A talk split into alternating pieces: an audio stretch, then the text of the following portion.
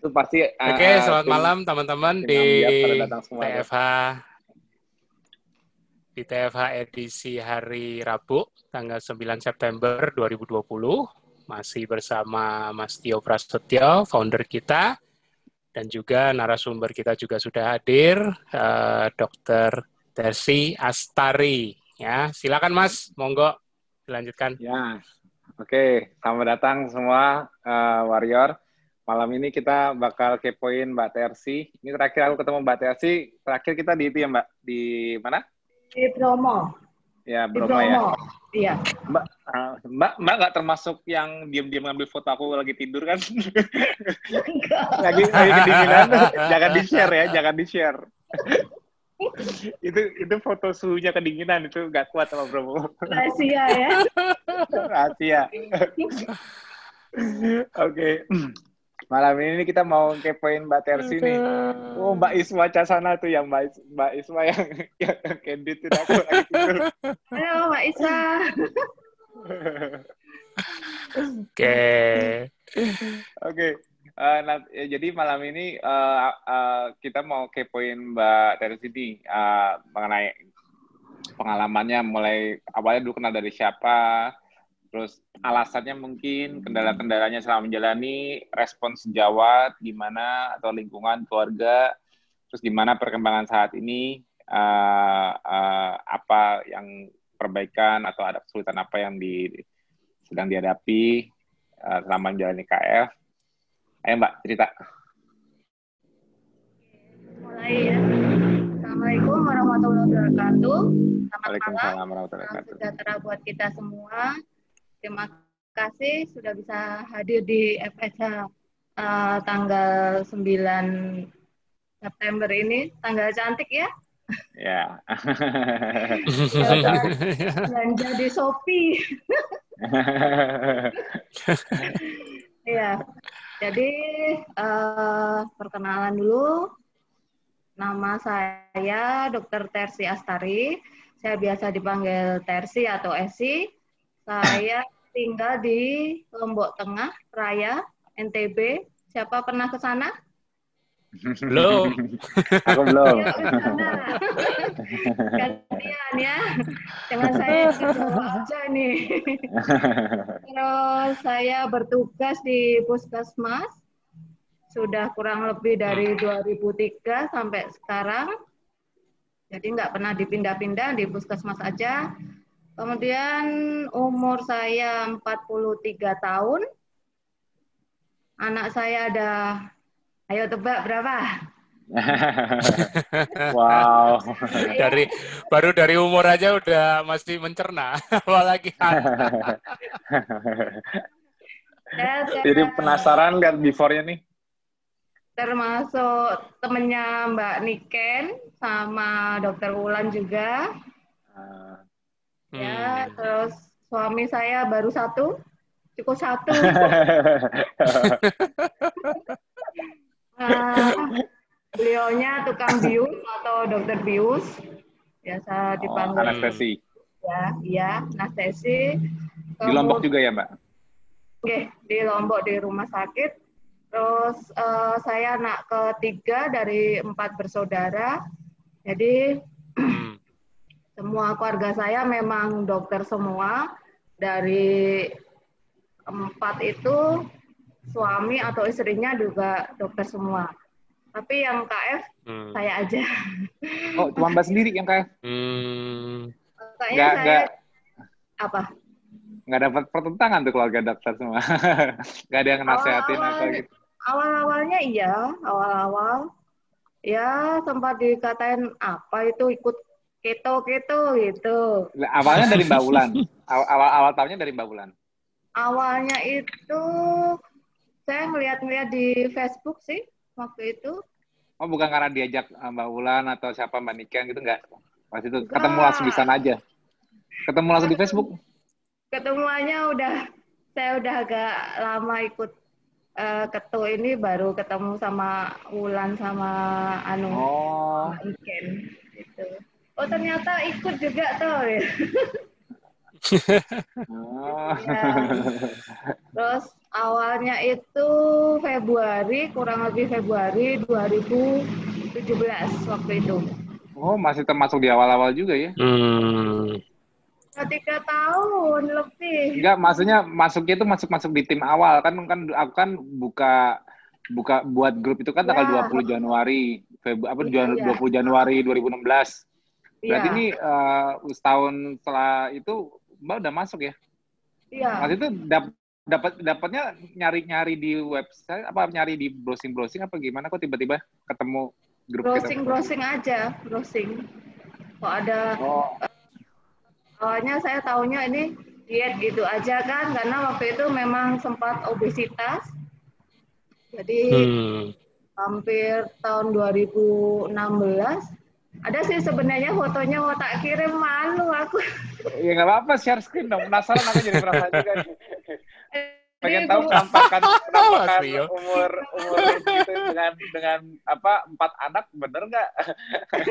Jujur ya, kalau sekarang kan kurang meyakinkan. Kalau kayak dulu mungkin lebih meyakinkan. Coba, ada nggak di share screen dong?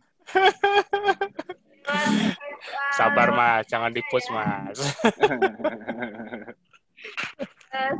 udah eh, kalau keluhan-keluhan nggak ada sih cuma karena obesitas itu sempat juga nyoba minum apa gitu yang dulu sempat booming itu juga nggak ngaruh gitu kan.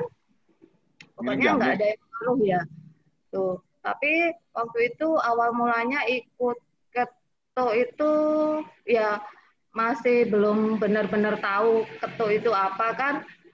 Cuma eh, makanannya sudah nggak karbo. Tiga hari pertama itu saya ikutin apa yang ada di protokol itu. Alhamdulillah enak kan? Terus saya lanjut itu. Sampai terus terus sampai sekarang gitu bablas terus. iya tapi kadang cetil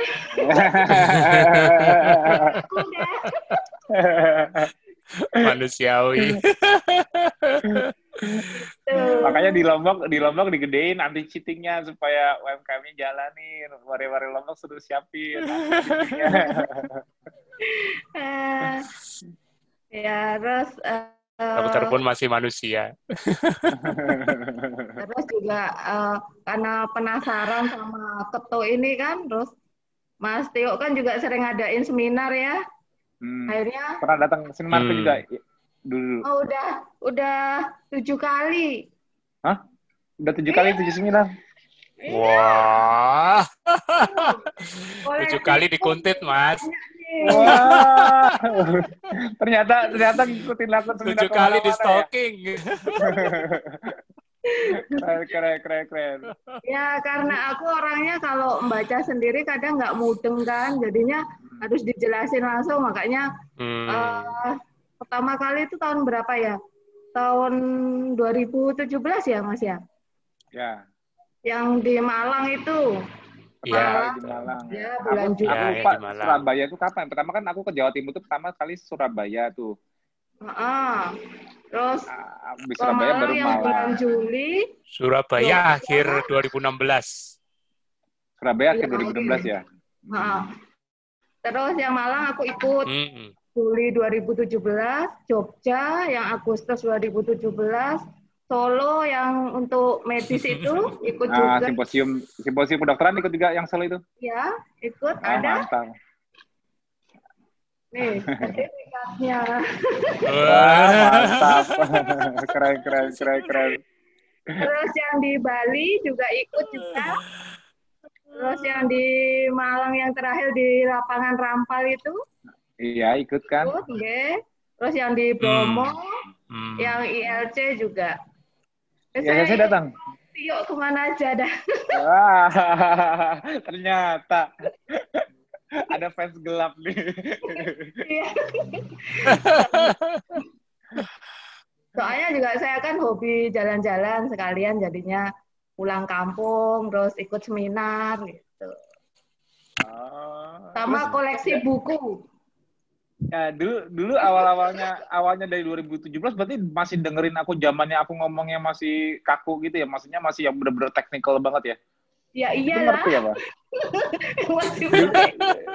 ya dulu dulu dulu ngeliat ngeliat atau 2017 yang aku di Surabaya itu kan aku juga lumayan kalau ngasih slide kan ngeri ngeri itu kayak slide yang aku kasih di Tenakes. Aku kan kadang-kadang dulu kan masih belum bisa terlalu bahasain ke awam. Jadi masih ngomongnya teknikal banget. Itu mumet gak? Iyalah. mumet ya? Mas Wata kan yang bilang. Iyalah. Mas Wata bilang, e, Mas Tio ini kalau ngasih itu panjang-panjang gitu. Mas Wata. Mas Wata Antarisa. Ah, ah, ah, ah. Ya. Sampai bilang gitu kan. Waktu yang di Malang itu. Jadi suruh singkat-singkat, nggak usah panjang-panjang gitu. sekarang sekarang aku jelasin udah agak mendingan udah bisa storytelling. Kalau dulu aku parah banget tuh. Aku aku baru nggak sekarang. Dulu kok aku jelasinnya kayak nganggap semua orang itu kuliah kedokteran gitu jadi aku langsung ngomong langsung ngomongnya tat, tat, tat, tat, baru sadar kalau banyak ketinggalan.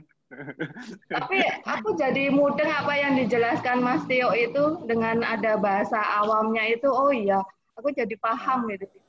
Iya memang kayaknya kayaknya cocoknya awam semua deh. Kayaknya kayaknya memang aku bilang kalau terlalu teknikal itu terlalu terlalu berat karena kan juga nggak tahu situasinya dulu masih kan aku pikir aku pikir kan dulu apa yang aku pelajari ini uh, semua orang eh nggak semua orang sih aku uh, karena aku dulu mikirnya gini kalau dulu kan aku memang targetnya kan uh, awal aku dari mulai KF itu 2016 terus 2017 itu aku itu kan targetku kan ini apa mencerahkan banyak banyak nakes.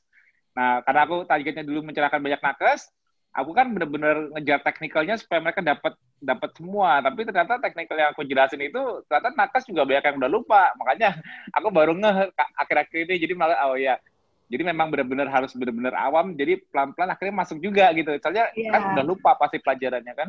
Uh, uh, iya. Aku aja jadi mudah setelah dengar omongannya Mas Tio. Hmm, jadi kayak make sense semua ya masih kuliah mungkin saya tidur ya. Tapi secara nggak langsung apa yang di buku itu, apa yang dipelajari di Harper dulu, apa dan sebagainya, fisiologinya yang mungkin kayak dulu harus harus uh, mungkin ini sorry nih mungkin ngejar ngejar nilai atau apa hmm. gitu lulus kalau sama aku kayaknya dapat benang merahnya semua dari dari yang apa yeah. yang di buku itu yang dikira dulu cuman wah ini aku lulus ini cepat buru-buru mau praktek nih.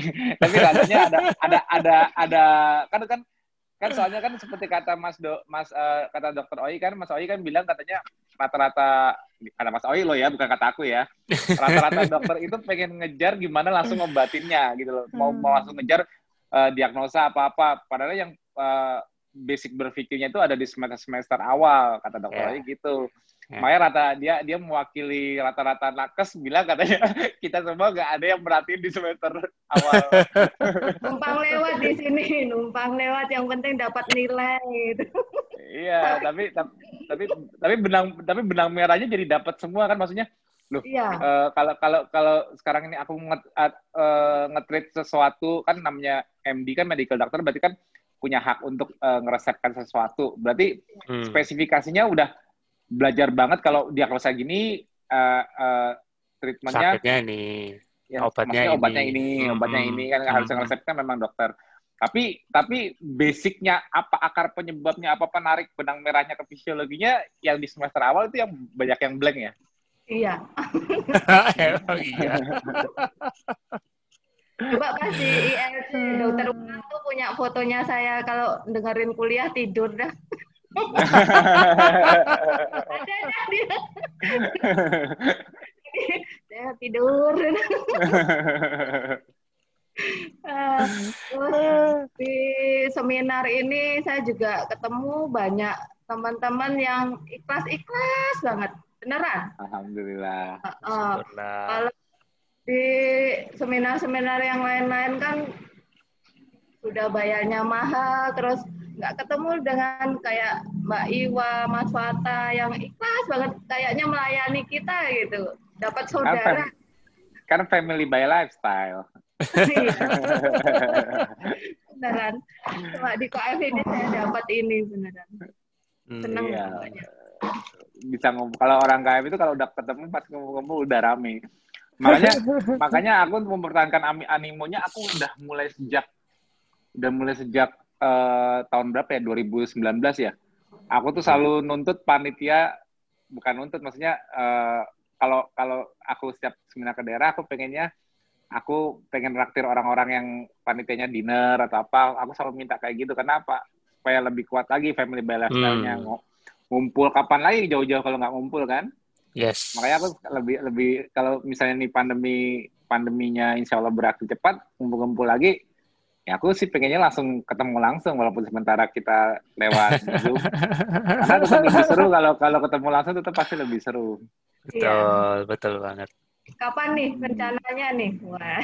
Aduh. Asal, asal udah udah nggak itu pasti lah aku ke Malang lagi ke Semarang, Malang. Aku juga hobinya traveling kok. Itu Ibu Surinya Mbak Tri sudah nanyain tuh ke Malang.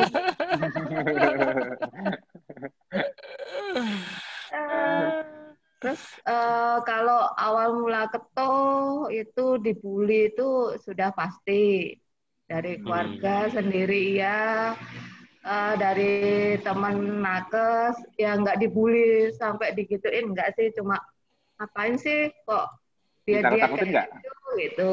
Ditakut-takutin ya. nggak? Ya. Ditakut-takutin nggak? Ya sih sempat gitu juga. Apalagi sama kakak-kakak saya. Hati-hati loh, gitu kan bilang gitu. Kan kakak saya kan dua itu spesialis penyakit dalam. Ya udah. Ah, Pak oh. SPPD. tapi di KM tapi, tapi di KM sekarang banyak loh SPPD. Ya, dulu dulu dulu 2016 2000, tapi 2016 yang 2016 dulu awal-awal awal-awal uh, kita belum banyak seminar awal 2016 aku memperkenalkan hmm aku memperkenalkan KF di Indonesia, eh ya nyerang itu SPPD semua. Tapi alhamdulillah kita bisa merangkul, mencerahkan banyak SPPD karena memang kan awal 2016 itu kan masih benar-benar kontranya banget lo. Iya. Kok seperti itu gitu. Jadinya kayak kayak tapi tapi jauh lebih mudah uh, uh, mengenlight nakes itu jauh lebih mudah kalau bagi maksudnya hmm. lebih enak gitu dibanding awam. Kalau awam awam kan kalau mereka lu kok begitu terus ngeyel.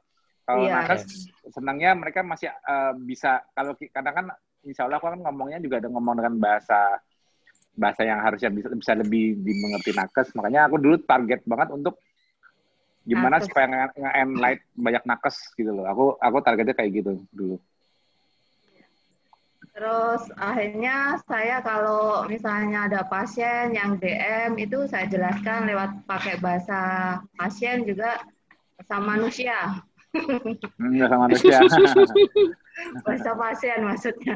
Uh. Terus sampai kadang satu jam gitu nanti ibu perawatnya lirik-ngelirik saya, ngomong kok lamanya itu. Nah, itu.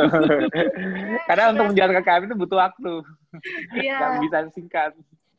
Sampai saya juga pernah ya ditegur sama teman sejawat itu kan, sih kamu itu loh ngasih tahu orang tua dia sampai nangis loh masuk sih pak sampai saya gitu. ya saya ngomongnya padahal ya biasa aja kan ya sesuai harus puasa kurangi karbonya gini-gini mungkin hmm. ya beliau mendengarkannya terlalu mendalam ya jadinya hmm. kebawa sampai rumah nangis terus akhirnya besoknya saya ditegur sama teman sejawat karena dia lapor ya sudah lah kalau memang kalau saya mikirnya uh, apa yang bisa saya berikan ya saya berikan walaupun sekedar ilmu gitu. Kalau beliaunya pasien-pasien ini mau nerima ya monggo. Kalau enggak ya ya sudah itu aja. Hmm ya. Ya yang basicnya harus dikasih tahu. Ya memang susahnya kayak gitu. Apalagi paling gampang sih cemplungin di grup kita aja. Kadang-kadang menerangkan sendiri itu lebih sulit. Makanya aku kan sering nyaranin nakes kalau memang mau enlight enlight siapa siapa siapa gitu kadang-kadang ya karena kan tahu sendiri ya kalau di puskesmas mungkin aku nggak tahu antriannya tapi kalau misalnya dokter praktek itu harus jelasin KF kayak satu or, satu orang satu bisa dua jam kali ya cerita sendiri. Jam. Itu kayak itu kan jam makan waktu. Kan kan nggak tahu dulu apa itu karbo karbo belum tentu orang ngerti karbo. Orang kan taunya nama makanan. Oh, Iya. ya boleh makan karbo. Kalau nggak makan karbo, saya boleh makan singkong aja nggak? Nah, repot kan kayak ya. gitu kan. Mie, beras gitu kan, nasi. Taunya kan nggak makan nasi aja. Dan akhirnya makanya paling gampang itu Mbak, kalau saranku paling gampang nih kalau misalnya memang ada mau nolong orang, ya tekniknya gitu, ya biar ditolong rame-rame aja di grup kita. Maksudnya coba deh kamu masuk ke grup ini, nanti kamu nanya-nanya di sana deh. Ah, Hmm. Jadi Iya. di sana mau nanya sana yang living proof, misalnya dia diabetes atau apa yang punya masalah gula itu udah paling jelas jelas ya metabolic syndrome.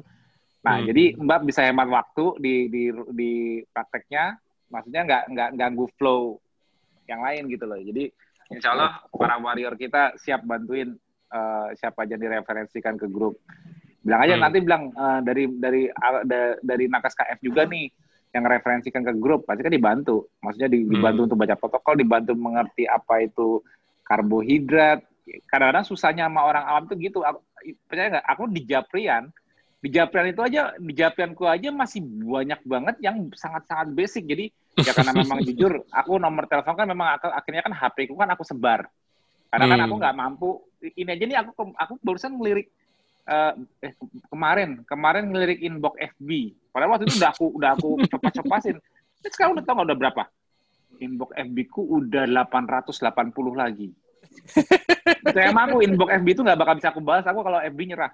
Aku kalau kalau suruh orang-orang aku habis posting aja membalas komen aja nggak sempet, apalagi orang yang inbox Balasin aku kan inbox. taunya, ah, makanya kan makanya makanya kan aku share handphoneku supaya udahlah kalau memang mau ngantri ya ngantri sekalian di WA jangan sampai aku ngerjain dua maksudnya gini aku bahas di WA tapi aku juga bahas di inbox nggak selesai selesai makanya makanya in- inbox FB nggak dapet. Nah tapi tapi di WA itu juga abis aku kasih protokol rrrt, terus dia nanya oh berarti kalau berarti kalau makan makan nasi nggak udah nggak boleh ya? Iya nggak boleh. Kalau diganti kentang yang lebih sehat? Nah itu, itu itu butuh waktu. Di Japrian pun butuh waktu. Makanya aku kebayangin kalau Mbak harus jelasin di ruang uh, konsulnya harus jelasin satu orang pasien yang diabetes itu kalau harus handle sendiri, kayaknya Mbak gak bakal sanggup deh. aku jamin dia dia harus harus ada komunitas yang mendukung. Jadi pasien itu kalau misalnya ini, ini cuma bayanganku ya, aku kan nggak nggak nggak nggak nggak di lapangan. Maksudnya bayanganku tuh kalau mi- misalnya Mbak terima pasien terus Mbak nasihatin gitu-gitu, kalau dia nggak ada komunitas di, di, di yang dukung dia cuman antara Mbak sama dia, kayaknya susah deh. Bener nggak? Hmm. sih? Iya, Susah nggak untuk benar-benar dia langsung mau menjalankannya? iya. Hmm. Hmm. Iya kan?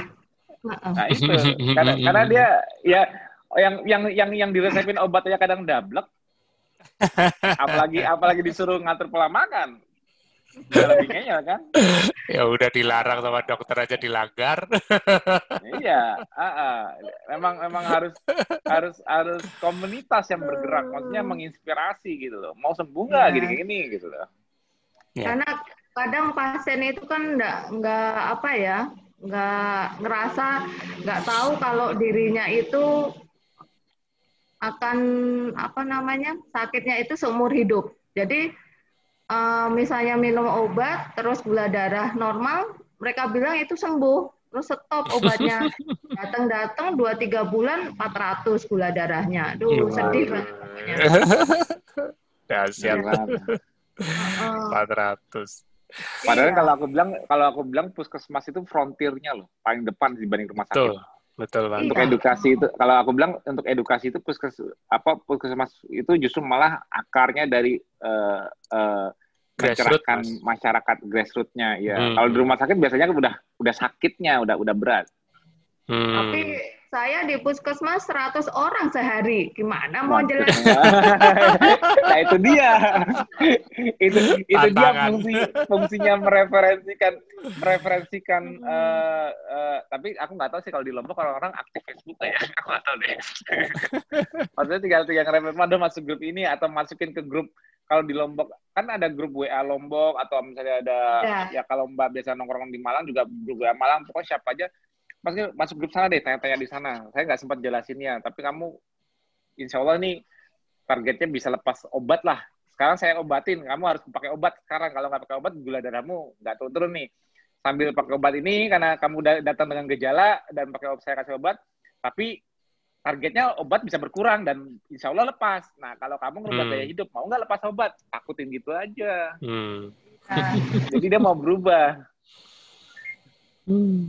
Ya kalau yang mau berubah ya syukur, kalau enggak ya aduh susah Nah itu juga. tanya. Ya, kadang-kadang kadang-kadang naf- hawa nafsu lebih kuat ya mbak. Iya. Hawa nafsu lebih kuat.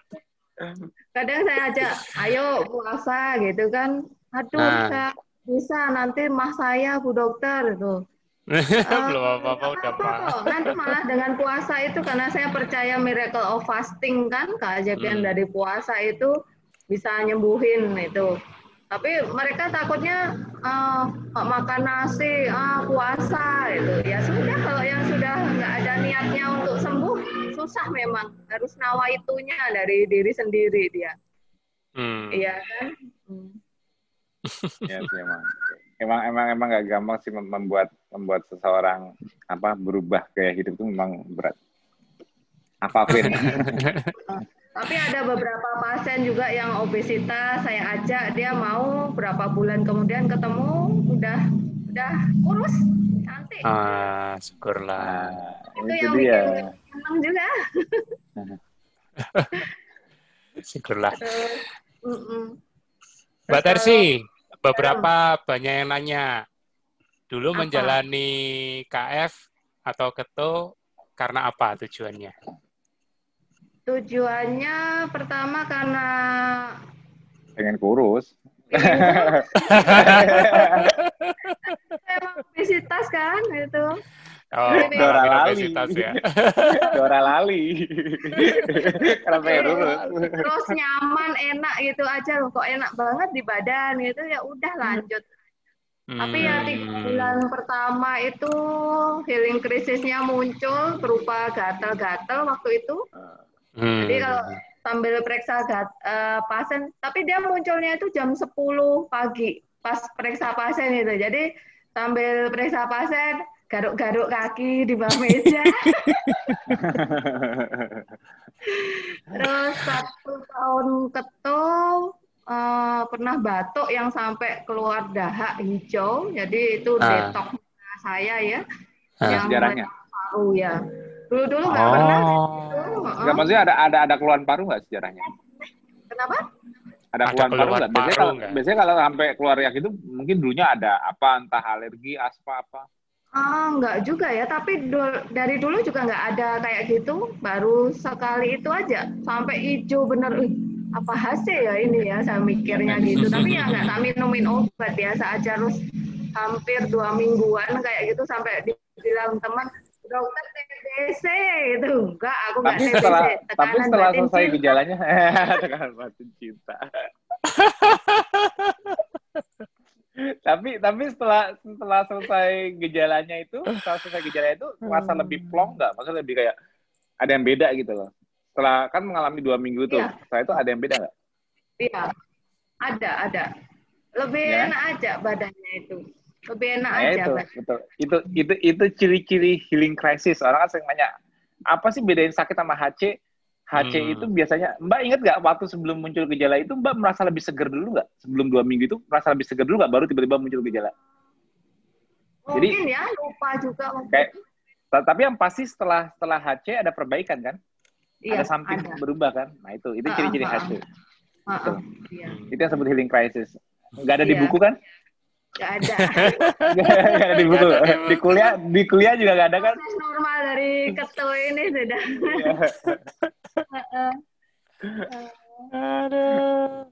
dulu dulu dulu itu aku paling dibully tuh inget banget 2016 apa itu HC HC gitu Dulu 2016 tuh aku habis ngomong healing crisis tuh habis habisin aku tapi alhamdulillah sekarang aku bisa membuktikan apa itu healing crisis Hmm. Terus yang syukur lagi sekarang saya kan punya anak empat. Eh, yang pertama itu dulu asma berat dia dari kecil Hmm. memang. Terus dari pokoknya tiap minggu itu hampir dia di nebul kan pakai nebulizer. Hmm.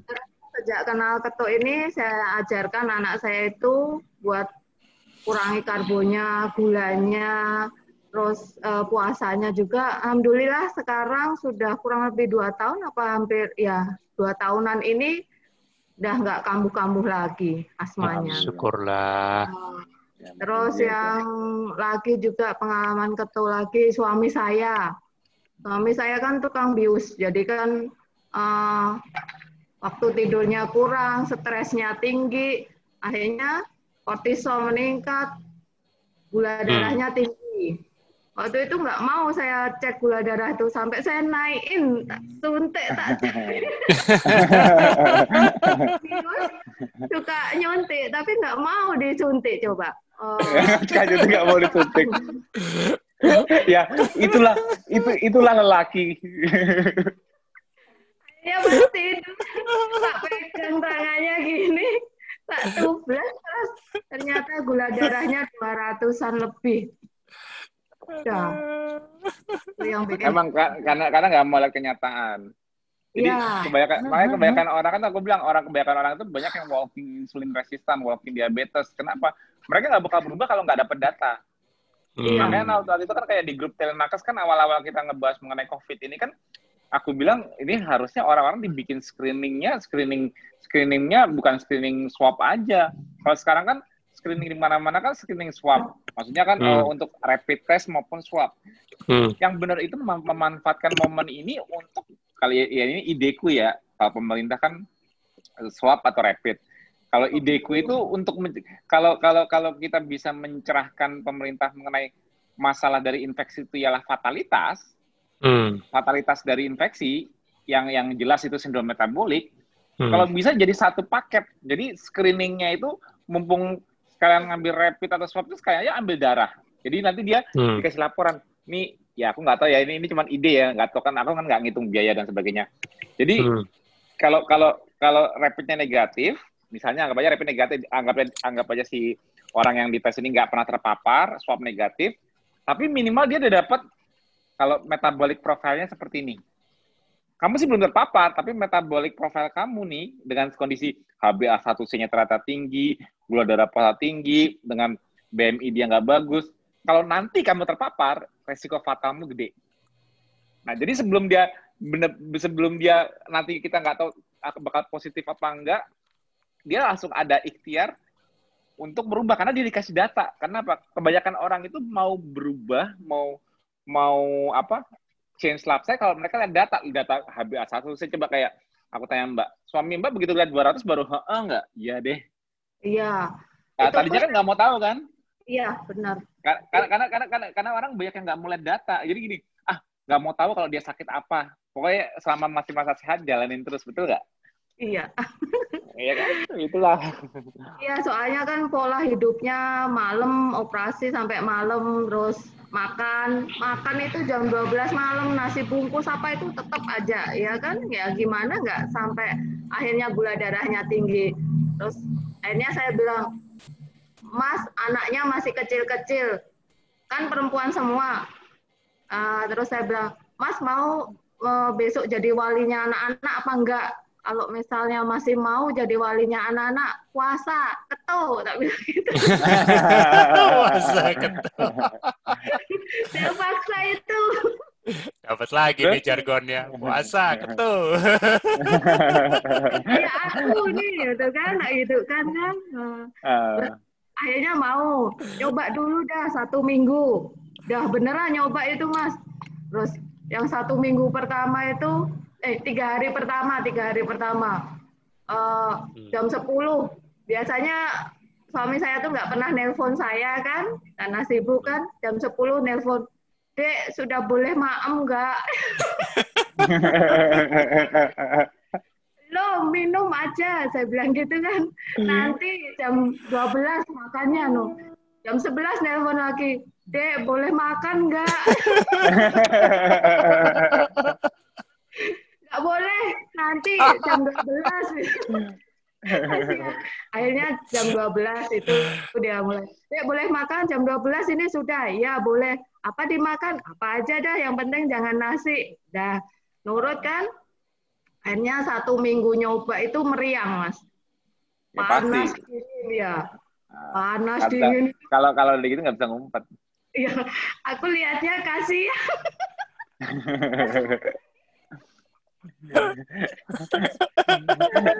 Satpamnya kasihan juga akhirnya. Tapi tak suruh minum aja kan, terus uh, alhamdulillah sekarang sampai sekarang di keluarga saya yang makan nasi ya cuma uh, bibiknya aja sama anak-anak itu kadang-kadang aja jarang. Hmm. Jadi ngirit berasnya.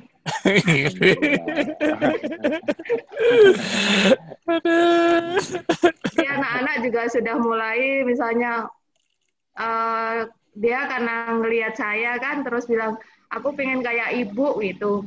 Hmm. Ya udah boleh tapi kamu masih kecil.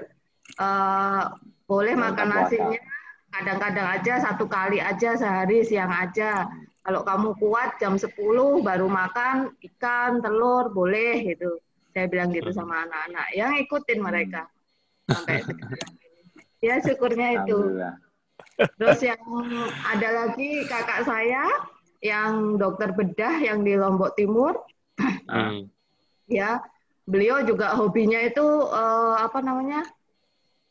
Uh, GoFood, pokoknya cari-cari makanan setiap setiap hmm. ke mana aja pasti cari makanan. Nah, hmm. kulineran. Ya, itu termasuk yang membuli saya juga itu kakak saya. Hmm. Awalnya. beliau, beliau akhirnya kapan itu berapa bulan yang lalu, hampir 8 bulan kayaknya, ternyata gula darahnya 600. Nah, oh.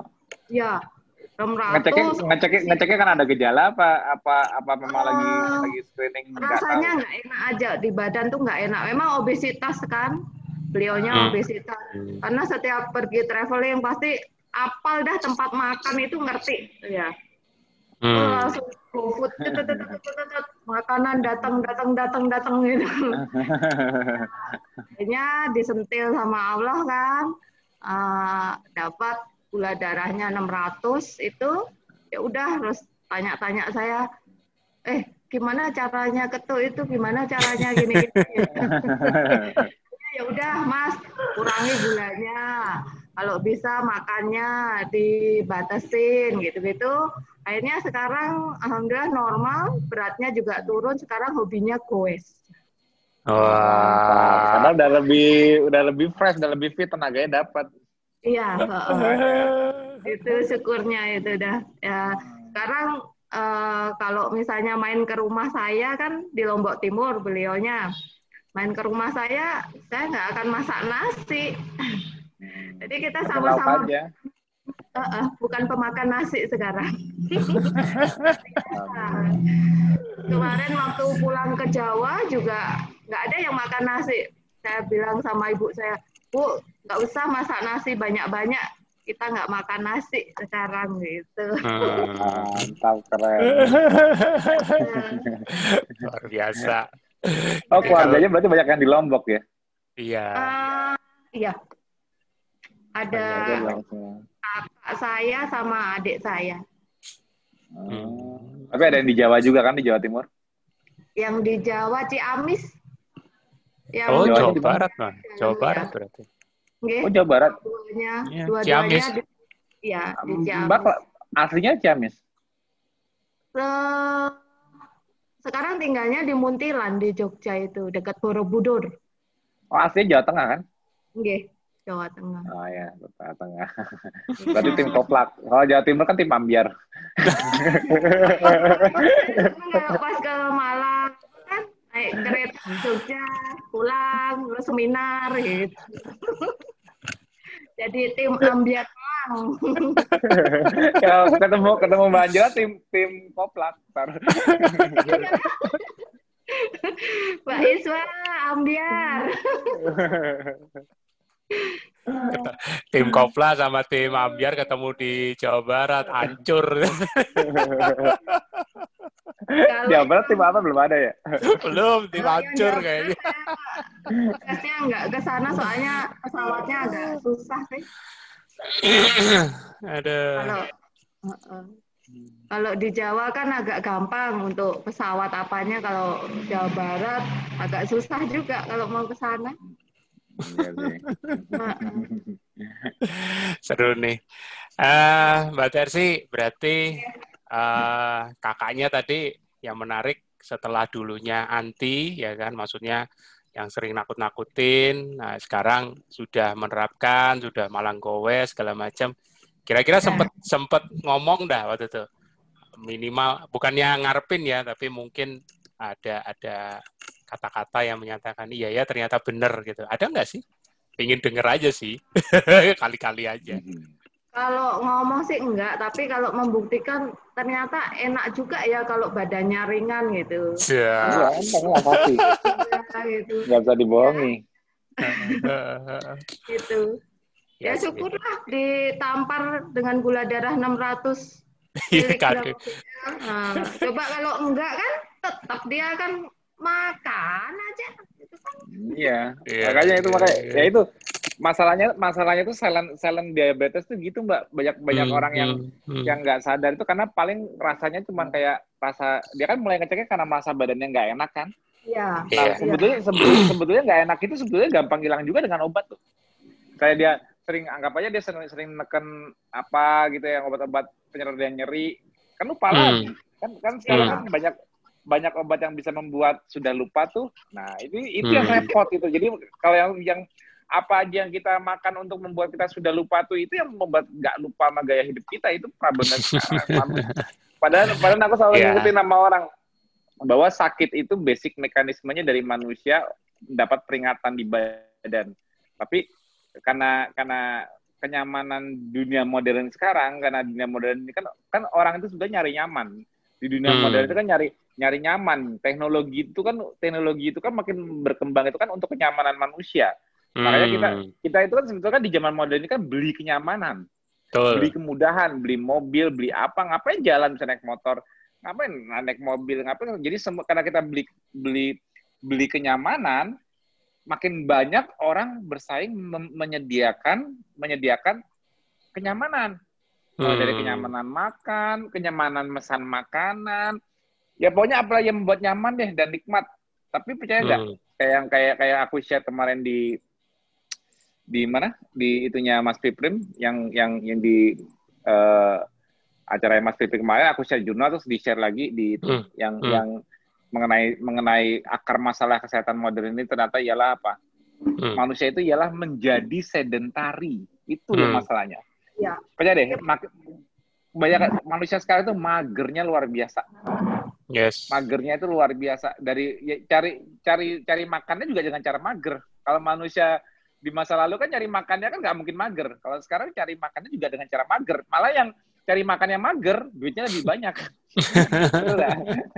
itu dia itu, betul, betul. itu yang memang harus benar-benar kalau nggak orang nggak dapat esensinya, ah, aku ngerinya itu 20-30 tahun dari sekarang saat teknologi udah makin berkembang lagi, metabolic syndrome itu lebih gila-gilaan lagi. Kenapa? Yeah. Karena semakin semakin murah kenyamanan, semakin tinggi kenyamanan, hmm. banyak kenyamanan, kenyamanan itu kenyam, yang dibilang nyaman itu ialah tidak perlu banyak gerak yeah. dan tidak susah makan. Itu nyaman. Itu biasanya tahu seperti ada, itu. gitu ya. Yeah. Tahu-tahu ada. N nanti nanti makin instan lagi semuanya. Itu itu yang bikin kalau kita nggak kalau kita nggak cepat cepat bikin awareness di masyarakat mengenai mengenai makanya kan uh, orang nanya kenapa sih KF itu memberi membuat protokol untuk membatasi diri? Kenapa? Karena kalau aku aku sering bilang ini, kalau di masa lalu kalau kita semua tinggal di hutan, kita nggak perlu pakai protokol KF. Kamu sudah pasti kayak kayak di KF. Jadi KF itu KF itu tidak perlu pakai protokol kalau kita tinggal di hutan. Kenapa? Karena kamu dari pagi nggak mungkin bisa makan. Kamu kan nggak punya kulkas hutan. Nah, dan aku nggak perlu nyuruh kamu olahraga. Kamu kalau makan harus bergerak, cari dong makanan yang nggak mungkin. Iya, betul. Aku nggak usah nyuruh tidur cepet, nggak usah, nggak repot. Tapi masalahnya masalahnya masalahnya di zaman modern kayak gini orang kalau nggak nggak kalau hidup nggak pakai protokol selesai iya selesai Betul. makanya aku bilang 20 30 tahun dari sekarang kalau manusia nggak dikasih protokol yang membatasi dirinya selesai manusia bisa punah punahnya hmm. kenapa punah karena kenyamanan yeah. bukan bukan punah bukan punah karena tidak nyaman bukan punah karena karena merana tidak bisa makan. Enggak. Justru justru manusia di masa depan itu lama-lama bunuh diri sendiri, bunuh diri dengan yeah. penyakit. Yeah. Kalau kalau zaman dulu mungkin manusia terbunuh karena perang maupun maupun terbunuh karena penyakit yang yang yang infeksi yang tiba-tiba atau gimana yang yang sulit yang belum ada obatnya atau karena kecelakaan luka pendarahan hmm. nggak hmm. ada nggak bisa dijahit nggak apa karena belum ada teknologinya hmm. kalau manusia sekarang matinya itu mati bunuh diri mati pelan-pelan jadi dia dia bunuh diri bunuh, bunuh dirinya sendiri dengan bunuh bunuh dirinya dengan kenyamanan Hmm. Dengan membuat dia merasa menyaman, dia merasa dia, dia merasa paling tentrem, makan terus, mager terus, selesai. Bunuhnya bukan dari luar tapi dari dalam. Itulah sindrom oh. metabolik. Itu yang itu yang itu yang yang yang yang yang mudah-mudahan KF itu KF itu bisa bisa jadi apa ya? Ya kayak lima pilar itu bisa jadi protokol global untuk ya kita kan nggak mungkin dong nggak mungkin nyuruh orang eh udah jangan ciptain teknologi dong nanti gue malah makin mager jangan salah jangan menyalahkan orang yang menciptakan teknologi karena kan mereka tujuan teknologi itu kan karena pasti kita bakal membeli teknologi tersebut hmm. karena kan dia juga cari cari duit kan kita iya. kita bakal menggunakan teknologi teknologi ciptaan karena karena di makin makin ke masa depan yang makin teknologi yang makin membuat seseorang nyaman mudah hmm. digunakan yang paling laku kita nggak bisa nge-push mereka, oh gara-gara teknologi lo, gue jadi mager nih. Anggap aja nih contoh ini, ini cuma contoh ya, ini cuma contoh. Anggap aja GoFood misalnya, atau atau GoSend apa apa. Itu salah satu teknologi. Itu semua pasti pakai. Kenapa? Karena nyaman. Aku aja pakai ya, aku aja pakai hmm. GoSend, GoFood. Hmm. Nah, nggak bisa dipungkiri, itu salah satu keunggulan dari kenyamanan, kemudahan. Kita di, mak, makin kita dikasih opsi-opsi membuat kita nyaman. Tapi kitanya sendiri kan kalau nggak bisa nyalain yang memberi kenyamanan. Kitanya sendiri harus sadar bahwa kita nggak boleh di posisi nyaman terus walaupun kita menggunakan teknologi untuk kenyamanan misalnya. Makanya aku penting bilang, kenapa KF itu pakai puasa? Kenapa? Karena kalau manusia nggak di nggak dikasih jendela makan, ya dia makan terus kalau zaman sekarang. Iya. Kalau zaman dulu kita nggak perlu ngasih manusia jendela makan. Alam membuat jendela makan itu terbentuk sendiri. Tapi di masa sekarang jendela makan itu jadi penting kenapa? Ya karena itu. Karena karena karena karena kalau kita lupa bahwa bahwa eksistensi kita di muka bumi bukan bukan harus harus survive. Kalau kalau kita tanpa tanpa apa pembatasan diri kita ngejar kenyamanan terus, survival manusia makin turun, kemampuan bertahan hidupnya makin turun. Kenapa? Karena dia karena dia begitu lepas kenyamanannya dikit. Misalnya contoh gini, baru lepas sarapan, udah boleh makan belum dek? Ya, contohnya kayak gitu kenapa? Mungkin karena mahnya udah itu. Karena dia pada saat pada saat dia jam 11 jam 10 belum makan, jam 11 belum makan, bolak-balik tanya, "Boleh nggak, Dek?" Dia kan nggak nyaman di situ. Benar nggak? Nah, kalau iya. sekarang kan udah kalau sekarang makin adaptasi makin nyaman nggak? Makin lama makin nyaman kan maksudnya nggak nggak nggak nagih-nagih lagi kan ah, malah. Aduh, aku lupa makan ya, Dek. Ya. malah malah kadang kalau diajak teman makan jam 11 jam 12 nanti ah saya makannya masih belum lapar gitu. Jadi jam 1 jam 2 kadang saya baru makan. Tiap iya. hari. Iya, karena sudah eman-eman uh, apa ya sayang puasanya gitu. Jadi akhirnya nanti ah nantian lah gitu. Iya karena nggak lapar karena karena itu Lumayan juga ya, gerah juga itu makan peyito setiap hari. Sauna. Sauna terus. Oh iya. Terus uh, sekarang kan saya kan uh, coba angkat beban itu, Mas Tio. Ah iya, mantap. Uh, ah. Enaknya itu jam berapa sih jam puasa? Pagi dong. Tapi kalau Pagi, jam segar. Oh iya, kerja ya. Kerja iya, uh Ya, sebenarnya sih paling enak sih sebelum makan sih. Soalnya kalau kalau misalnya gini, misalnya apa aja buka puasa jam 12 misalnya. Nah, iya. jarak jarakin 3 4 jam sebelum olahraga. Misalnya sore sekalian tapi jangan terlalu malam. Jadi jangan biasanya yang yang paling gak enak itu olahraga kalau perut masih digest, masih digest banyak makanan. Atau atau misalnya gini. Boleh misalnya gini, buka jam 12. Tapi makannya jangan banyak-banyak dulu. Makannya uh -uh. makannya asal ngisi aja dulu misalnya. Nah, nanti baru jam 3, jam 4, misalnya pas udah pulang, latihan, olahraga. Nanti setelah olahraga itu, kalau pokoknya gini, makan porsi terbesar itu di kondisi udah nggak mau aktif. Jadi kuncinya kuncinya di KF itu porsi terbesarnya kalau kita udah nggak butuh banyak aktivitas fisik. Jadi kalau kalau aku nih sama How mesti mesti buka lebih cepat, tapi aku tahu aku bakal gini-gini gini, mendingan aku makan oke, okay, tapi asal ngisi misalnya apa? Ya telur satu udah atau misalnya pokoknya yang yang yang nggak nggak nggak aku rasa kenyang deh. Karena kalau aku rasa kenyang ngantuk. Udah udah mau mau aktivitas nggak bisa. Jadi jadi bisa diakalin dengan makan yang nggak terlalu banyak, nunggu dia ke digest dulu. Jadi nggak kayak rebutan energi sama pencernaan itu yang susah. Jadi bikin kita malas kalau makan duluan itu untuk olahraga. Kalau misalnya malam-malam boleh? Ya kalau ya, itu. Kalau kalau terlalu malam kayaknya malah nggak tidur nanti. Kan iya. seger lagi. iya kalau, sih. Kalau terlalu malam seger. Iya, makanya jadi malah tidurnya kemalaman lagi. Kalau kalau aku sarannya sih ya sebelum jam 8 malam lah jam 7 lah paling mentok. Jadi ada waktu 2 3 jam untuk untuk cool down terus tidur gitu Kalau terlalu deket sama jam malam takutnya ya biasanya orang kalau kalau namanya kita olahraga kan kita kan membuat lipolisisnya meningkat artinya gini olahraga itu olahraga itu kan memicu kita melepaskan lemak ke darah. Lemak yang di pipi perut paha kita lepas ke darah. Nah itu kan jadi sumber energi kan? Nah kita jadi kayak energik setelahnya itu karena kita kan pembakar lemak. Makanya nggak pakai lemak dari makanan kalau kita gerak lemak dari badan di, dikeluarin untuk dipakai. Nah itu yang yang bikin kita apa namanya kadang-kadang jadi kok seger terus ya kok kok kok apa malah aduh padahal pengen ngantuk kan. Nah justru makanya kenapa kalau aku milih makan makanku itu habis maghrib kenapa? Karena aku udah tahu sampai malam aku udah nggak ngapa-ngapain lagi kan. Paling cuma nonton TV apa gitu-gitu sampai akhirnya ngantuk bruk tidur. Kenapa? Aku aku kalau nah kenapa aku milih makan sekali sehari? Karena aku kalau makan tuh maunya langsung kenyang. Jadi gini sebetulnya teknik tadi itu nggak gampang-gampang susah yang aku bilang boleh aja buka jam 12 makan sedikit dulu, terus baru supaya tetap bisa aktivitas fisik ya. Makan banyaknya pada saat aktivitas fisik udah nggak ada. Tapi namanya insting manusia kalau begitu makan kayaknya susah berhenti kalau lagi enak. Nah, biasanya harus fisiologinya dia yang menghentikan, yaitu apa? Lambungnya udah straight, uh, kenyang, karena full gitu makan rendang ayam akhirnya udah kenyang, ah udah baru stop makan. Biasanya naturalnya manusia seperti itu, natural manusia tidak bisa berhenti pada saat dia enak. Itu susah.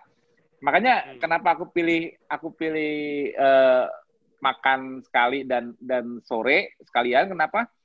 Karena aku tahu aku juga aku tipikalnya natural begitu. Waduh, ada ayam, waduh ada telur apa enak kan kayaknya kalau masih bisa makan terus makan tapi kan akhirnya kan aku nggak kuat nih kenyang. Nah akhirnya itu full. Nah itu akhirnya aku lemes.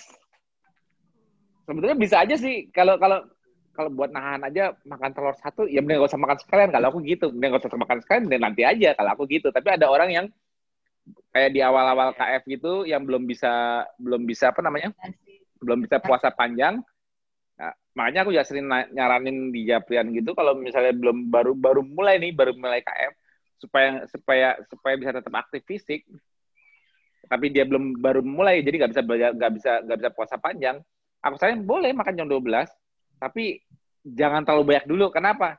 Ya kalau tergantung dia kerjanya apa. Tapi kalau masih sibuk, jangan kenyang di siang hari. Itu malah membuat kamu lemas. Jadi jadi yang paling important itu justru malah di kita itu dinner. Kalau kalau kalau teori lama kan gini, uh, apa namanya? Breakfast like a king. Terus apa? Lunch like a queen. Like a prince. Eh, gila, like a queen kan breakfast like a king lunch like a queen apa prince kata prince pokoknya dinner yang kayak hmm. princess. Yang kayak pengemis. Ya kayak pengemis. Ah, ya pokoknya makin sedikit makin sedikit karena karena karena teori karbo itu kan teori karbo kan kalau pagi itu makan boleh banyak. Kenapa? Karena pasti kamu dipakai kerja gerak. Jadi nggak disimpan jadi lemak. Hmm. terus siang mulai di, mulai berkurang. Malam makannya jangan terlalu banyak sedikit karena kamu langsung tidur nggak pakai energinya. Nah, itu betul di konsep makanan itu tenaga. Karena mereka makan karbo. Kalau di kita, makanan kita refill, konsepnya kebalik. Pada saat kita refill, kita blast tidur. Itu. Jadi kayak kalau di kita itu kayak kayak kebalik. Kita tenaganya justru tenaganya di, dari tenaga di pagi hari karena kita bisa mengakses lemak kita sendiri. Kita malah bisa dibilang kita nggak ya nggak makan pun nggak apa-apa kan kan aku nggak makan karbo nih aku kan nggak pakai gula nih buat energi berarti kan aku kan bakar lemak kan nah, kalau bakar lemak misalnya aku belum makan lemak emang di badanku kurang lemak gerakin badannya lepas lemaknya kepake endogenously nah tapi tapi tapi e, begitu aku makan untuk nge-refillnya kembali, nge-digest protein lagi, butuh energi juga. Nah, di saat saat digesting kita yang yang dominan, kiranya malah nggak bisa pakai di badan. Nah, makanya jatuhnya kenapa aku bilang refill itu seperti itu. Jadi kita kebalik, karena kita untuk dapat tenaganya, kita hanya tinggal minta gerak, untuk nge-refillnya, kita butuh tenaga, butuh investasi tenaga untuk ngeprosesnya dulu. Jadi untuk mendapatkan refill kita, bahan nutrisi untuk repair, kita kita kita investasi tenaga. Percaya deh, makan kenyang, pasti kayak lemes, kayak ngantuk. Karena apa? Energi kita kita investasikan untuk memecah. Kita justru malah mengeluarkan tenaga untuk membutuhkan energi untuk memproses semua makanan kita. Sedangkan kalau kita nggak makan, kita dapat free energi karena kulkasnya dibukain. Itu rahasianya. Fisiologinya, secara fisiologinya dari ketosis bedanya dengan dulu Mbak waktu masih zaman makan karbo, kalau kalau kalau belum belum sarapan takut gak ada tenaga, itu fisiologinya kita balik semua di kondisi ketosis. Rahasianya kebuka semua. Iya. Makanya aku ingat kalau Mas Tio lagi seminar itu kan pasti nggak makan kan puasa toh. Iya. Kok katanya. Ngantuk aku malam malam bisa bablas. Makanya kan kalau kalau sering ikutin aku seminar, bahkan sering ikutin aku seminar kan, kan deh. Dari mulai aku pagi introducing apa-apa sampai sorenya kira-kira yang paling berapi-api yang mana? Pagi apa sore? Sore. Iya kan? Karena makin lama nggak makan. Uh, makin lama nggak makan aku kayak kayak apa ya tenaganya makin gampang.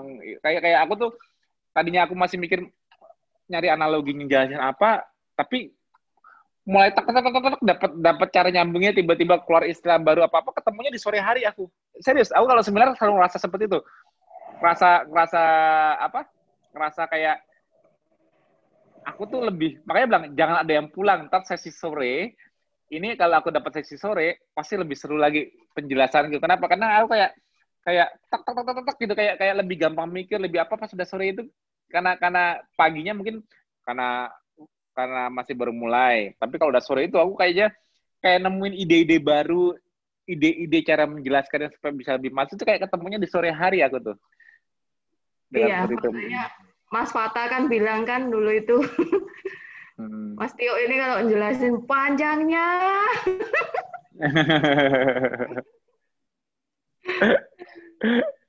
karena berusaha explain sampai orang ngerti karena aku dari dulu tipenya kayak gitu aku tuh gimana ya mungkin mungkin kalau lihat aku aku tipenya nggak pernah merintah masa gini aku nggak pernah merintah seseorang udah kayak gini aja aku udah kerjain aja kalau memang memang aku kalau memang ada waktunya ada kesempatannya aku lebih baik nggak merintah lebih baik mem, gini loh, aku selalu berpikir gini, kalau orang yang udah tahu tipeku dari awal KF, di seminar apa-apa, aku selalu membuat justifikasi agar mereka bisa memutuskan untuk diri mereka sendiri, betul ya? ya. Jadi, jadi menjelaskan, aku nggak langsung ujuk-ujuk, mana pernah aku, mana pernah aku seminar jelasin protokol KF, nggak pernah. Puasa jam segini nggak pernah. Aku selalu mulainya dengan why-nya dulu kenapa sih? Nanti ujung-ujungnya dia tahu oh akhirnya oh iya. Jadi harus tahu kenapa karbo nggak esensial. Harus tahu kenapa puasa itu natural secara alami. Aku selalu bikin di, di setiap seminar aku selalu bikin pondasi orang untuk berpikir.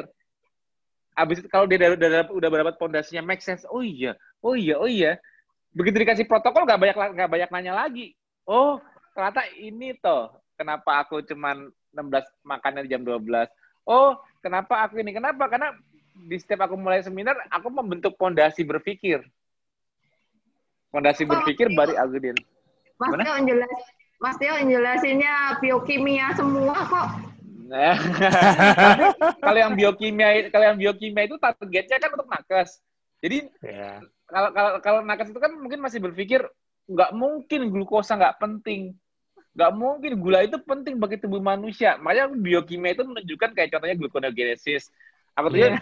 bahwa nggak makan karbo pun nggak bakal nol. Hmm. Nah, jadi hmm. kalau kalau yang biokimia aku buat pondasi berpikir untuk nakes. Tapi ke sini sini hmm. karena kebanyakan audiensnya awam ya aku bikin pondasi untuk awam secara ancestral lifestyle, secara gaya hidup. Misalnya gini, uh, kayak contohnya tadi di hutan, di mana, pokoknya di karbo itu tidak bisa tumbuh karbo itu tidak bisa ditumbuh di seluruh bumi karena kan tergantung dengan tanah. Itu kan lebih masuk ke awam dibanding aku jelasin biokimia. Kayak dulu kan kalau aku bilang kenapa kita glukos itu tidak esensial? Wah dulu kalau aku udah udah ngejelasin proses biokimianya banyak yang tidur kali. Iya. Tapi kayaknya dengan cara awam lebih gampang.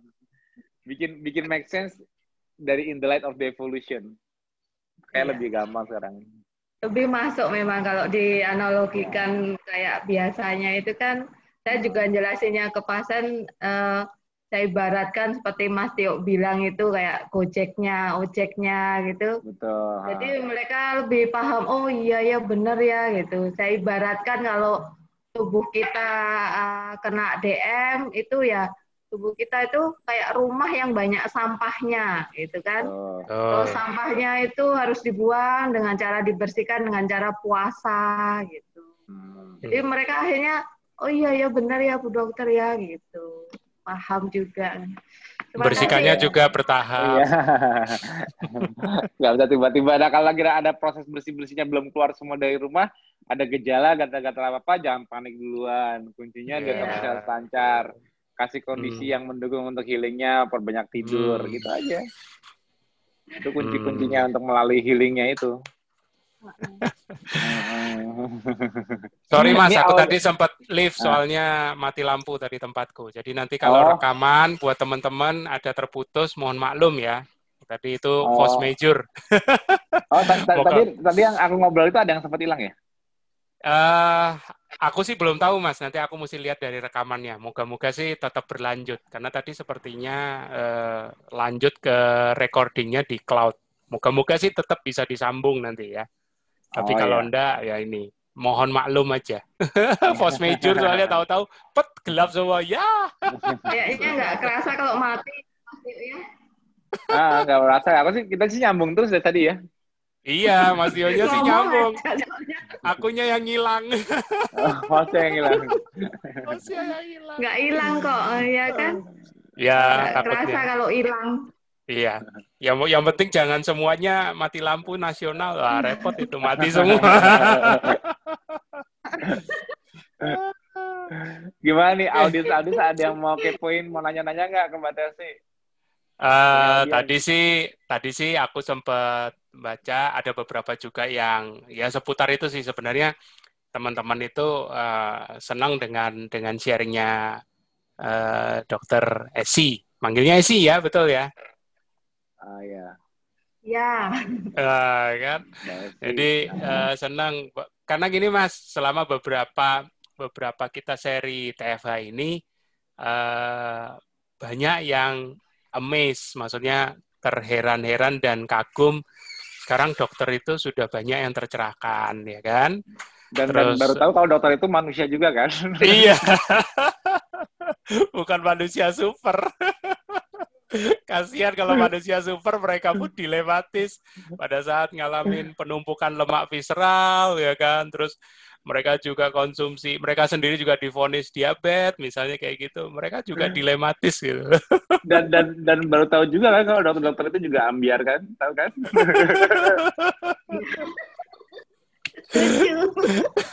setuju. Nah, nambah lagi ini deretan dokter oh ini setuju. Dokter juga ambiar. iya. kalau kalau kalau di tempat kerja aja mereka kesannya kaku kita yang gimana gitu begitu begitu ngobrol di TFH udah koplak sama ambiarnya Pak Tri, ayo Ibu Suri, Ya. Oke. Okay. Uh, tadi ada beberapa pertanyaan di ini uh, apa di email yang tadi juga saya sempat monitor. Jadi uh, ada yang nanya uh, masih seputar apa uh, kalori ya. Kalau misalnya saya berusaha ngitung itu gimana sih boleh enggak sebenarnya gitu loh.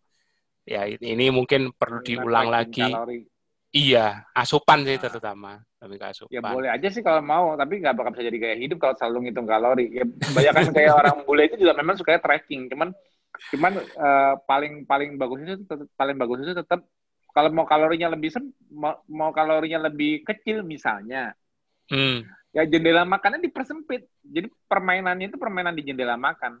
Hmm, bukan di Gitu. jenis Bukan makanan di, ya. Bukan di kayak misalnya misalnya gini anggap aja dia mau 1500 kalori. Terus Hmm. dia membagi 500 500 500 kali tiga kayak diet biasa sebelumnya. Ya, ya. Misalnya dibagi tiga gitu. Itu enggak nimbang-nimbang kayak gitu enggak enggak natural sebetulnya. Betul. yang paling betul. yang membuat manusia manusia itu kalau mau mau percaya apa enggak manusia itu hidup hidup di alam itu selalu kalori restricted kalau sekarang kan Hmm. kalori kalau sekarang kan kalori restriction pembatasan kalori itu itu kan bisa anjurkan disarankan dijadikan dijadikan apa ya? Cara untuk mencapai kesehatan dengan cara defisit kalori. Jadi kita dianjurkan untuk membatasi kalori kita. Sama seperti yang Hmm. Mas Pipin kemarin bilang itu kalori restriction itu meningkatkan lifespan.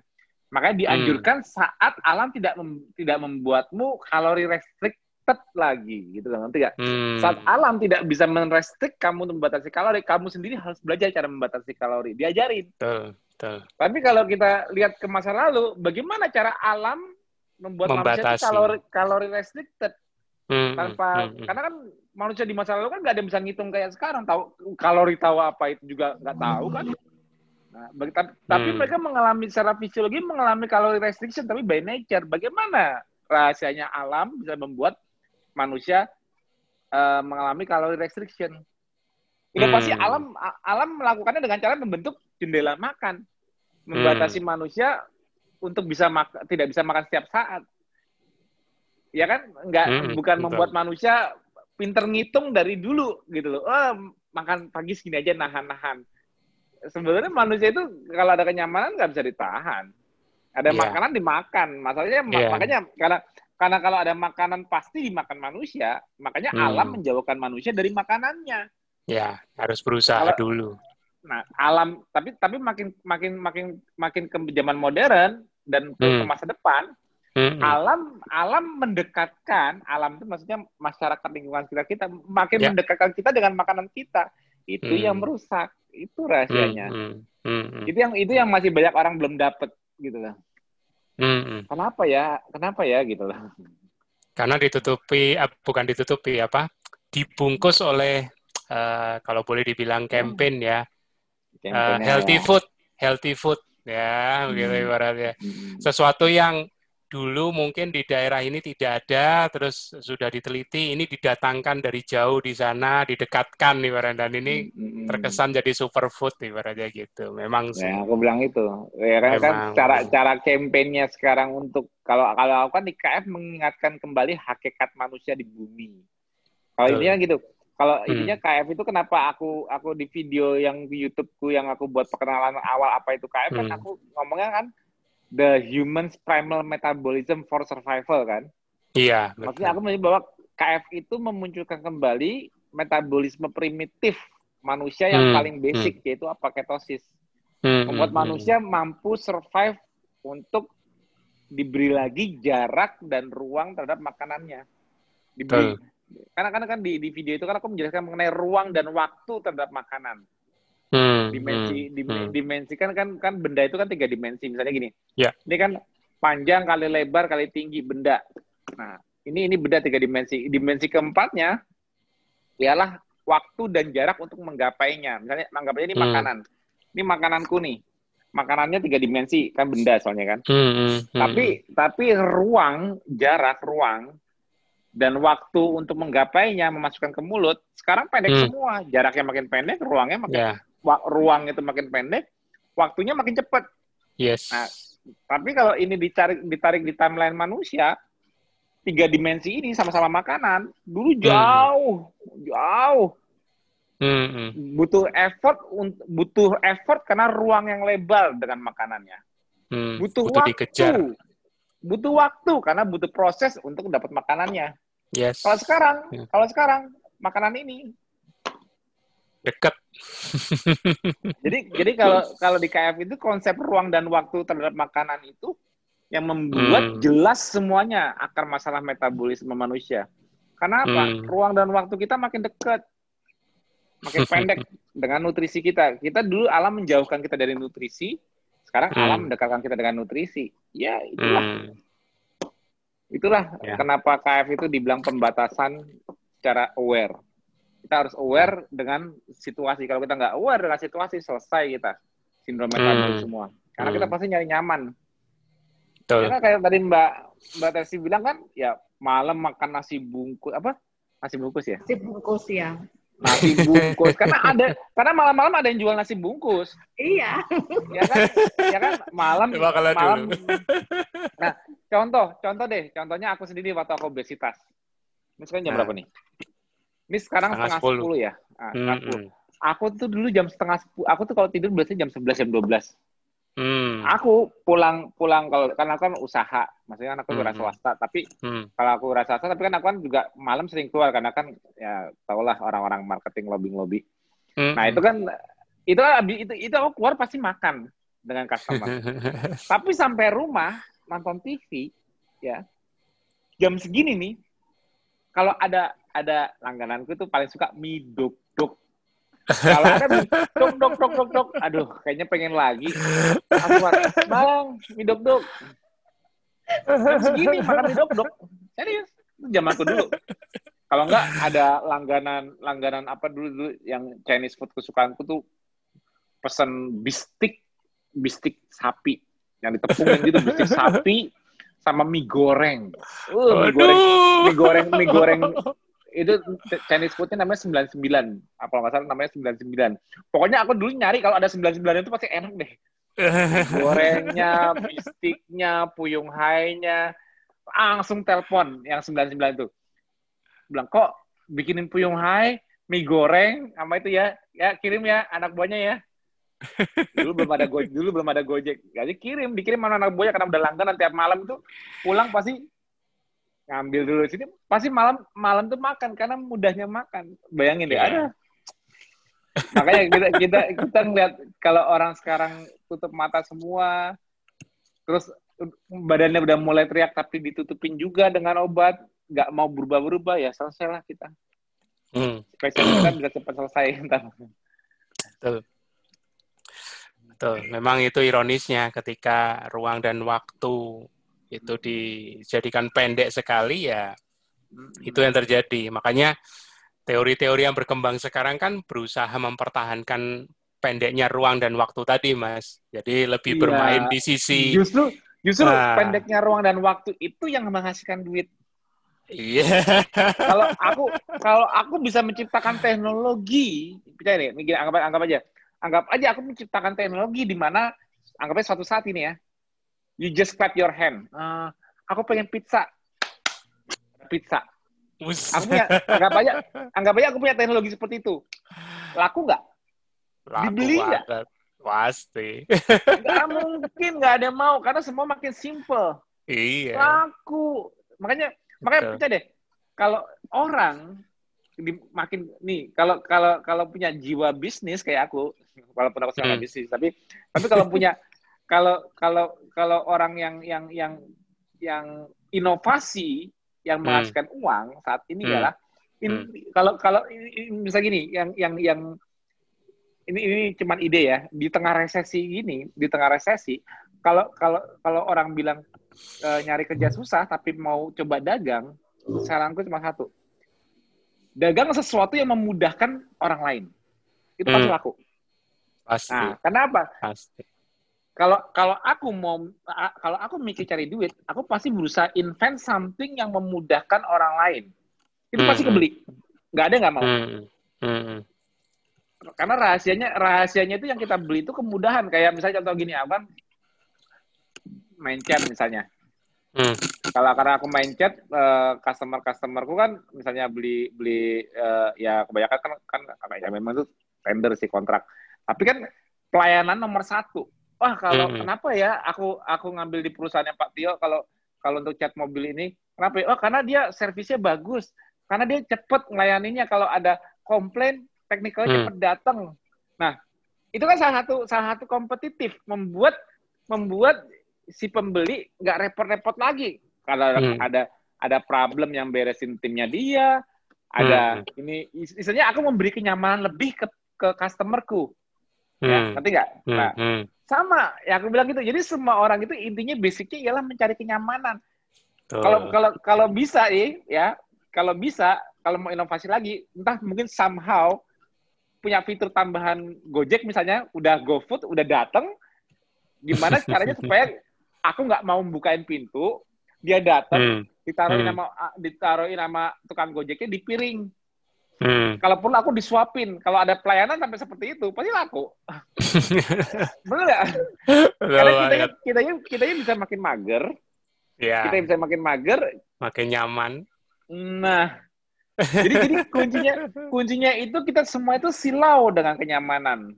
Iya, betul. Nggak itu nggak bisa dibohongin. Kita semua itu silau dengan kenyamanan. Hmm. Dan kita itu kalau hmm. kalau kalau disuruh membatasi sesuatu, kayak melawan arus. Excuse-nya.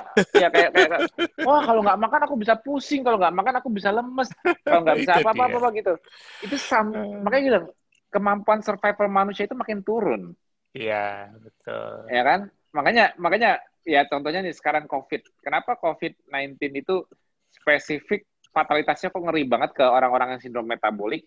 Hmm. Fatal, jadi kayak kayak case fatality rate kita jadi gini case fatality rate dari infeksi itu justru malah makin mengkuak membuka boroknya metabolik isu. Hmm. Nah, gitu ya kalian. Hmm. Hmm. Metabolik hmm. isu kita ialah satu harus di harus dibongkar. Nah, karena karena jadi, jadi harus ada yang berani teriak boroknya diberesin dulu. Makanya tadi kenapa yeah. aku propose, yeah. kenapa aku dulu dulu sering teriak, sering propose jangan beritahu info ke masyarakat uh, segini, masa gini. Jang, mumpung mumpung sekalian ngetes, misalnya dites rapid, dites swab, misalnya mumpung mm -hmm. sekalian ngetes, kenapa nggak diinfoin juga status metabolik mereka? Wah, mm. kamu HB1C-nya tinggi. Wah, mm. jadi jadi kayak modelnya kayak suaminya Mbak Tersi tadi loh. Mm. Mau berubah karena dipaksa dinaikin di ambil darah. Disuntik. bener nggak? Bener nggak? Iya. Batasnya bener nggak? Sampai dinaikin diambil darah, tapi berhasil kan? Berhasil. Berhasil membuat rubah dia kan? Karena dokter biosnya takut disuntik. itu dia takut itu. ya makanya, tapi itu dia bener mbak. Maksudku dalam hmm. dalam sisi psikologinya, sebenarnya semua orang kalau kalau kalau itu juga mungkin banyak yang takut di swab Iya, betul. Mungkin banyak yang takut di swab, tapi kalau betul. udah udah ketangkep sekalian dia di swab, stroke, sekalian ambil darah apa susahnya? Iya. Jadi kan, iya. jadi kan dia buat buat buat, buat bekal nih. Oke, kamu swabnya lulus deh. Tapi itu lihat tuh HbA1c kamu. Jadi secara secara nggak langsung ada hmm. dua gini. Secara nggak langsung, gimana caranya men-screening paparan, oke okay, paparan hmm. ya, dengan hmm. tujuan nanti dirancang untuk mencegah paparan. Misalnya gini, hasil screening itu untuk untuk angka-angkanya dipakai untuk epidemiologi atau gimana untuk menentukan kebijakan untuk untuk kebijakan-kebijakan untuk mencegah paparan lebih lanjut. Ya. Misalnya kayak gitu dengan membuat data dari screening rapid dan swab ini untuk data gimana mengatur kebijakan supaya tidak menyebar lebih lanjut itu kan dari sisi hmm. epidemiolog. Hmm. Tapi dari sisi menekan angka fatalitas, nah itu dia. Kalau udah jelas banyak jurnal yang yang nunjukin bahwa fatalitasnya itu di metabolic isu, hmm. ya sekalian screening metabolic profilnya. Iya. Misalnya, Betul. yang paling gampang mulai dari lingkar BMI yang bisa ditulis nama dokternya atau siapa screenernya. Yang saya tes hmm. ini, saya ambil hasil sini, saya punya data metaboliknya juga. Entah entah entah mulai dari yang mudah gula darah dia, entah mulai lebih advance kalau gitu HbA1c dia yang dia nggak bisa bohong tiga bulan terakhir. Hmm. Hmm.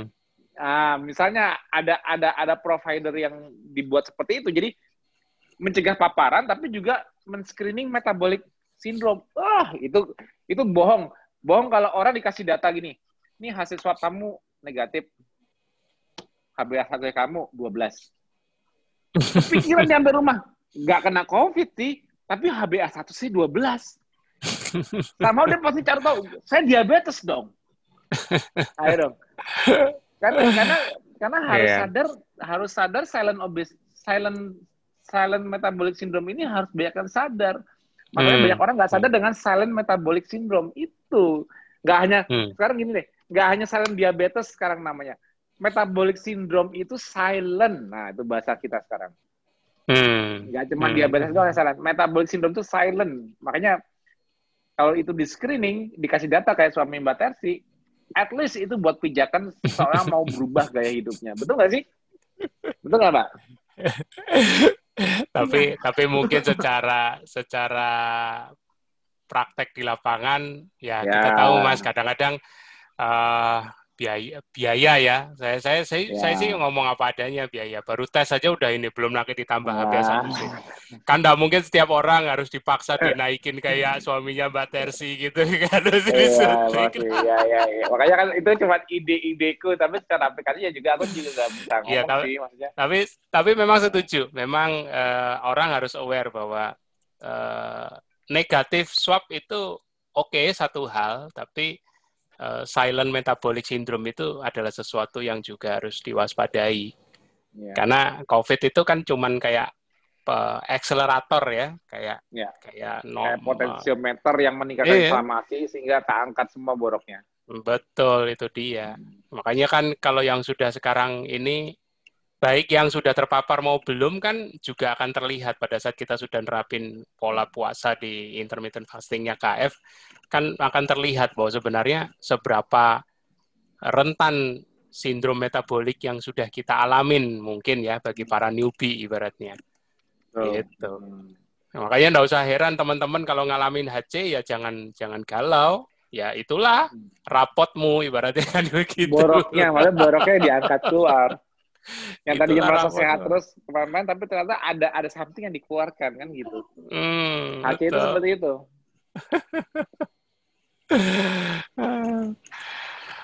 Oke, okay, uh, eh, aku nggak tahu apakah cukup waktunya. Tadi ada beberapa yang sempat raise hand, cuman aku nggak tahu apakah kan masih. Kan baru, baru masih ada berapa nih?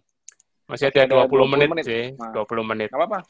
Teman-teman jika model, model kayak Mas Pipim aja model kayak Mas Pipim kemarin jadi Boleh. bikin yang resen langsung bisa ngobrol langsung. Teman-teman jika ada jika ada mau bertanya tentang dengan Mas Tio atau dengan Mbak Esi, tapi jangan eh, tanya kalau, pribadi kalau, ya. Kalau, kalau aku ketawa sebentar. Mbak Esi dulu. Siap, Mbak siap. Tadi soalnya ada yang nanya detail Mbak Esi apa nanya uh, buliannya kayak gimana sih dari kakak-kakaknya? Mungkin mungkin mau me menyamakan secara kata per kata. Cuma saya bilang sudah di awal tadi, nanti lihat aja dari rekaman saya bilang gitu. nah, intinya eh, teman-teman uh, kalau mau bertanya, inilah waktunya, monggo silakan. Uh, saya kasih uh, satu uh, apa ya, satu kesempatan deh, ibaratnya untuk teman-teman yang berniat untuk bertanya langsung ke Mbak Esi, ya kan? Kebetulan uh, beliau juga sudah nerapin KF dari 2017 ya. Ya.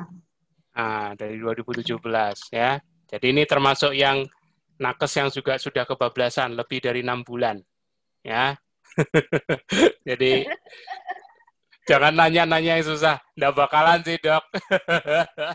Kalau yang ditanya yang bulat-bulat, maksudnya yang kayak apa itu diagram-diagram nggak bakalan deh kayaknya.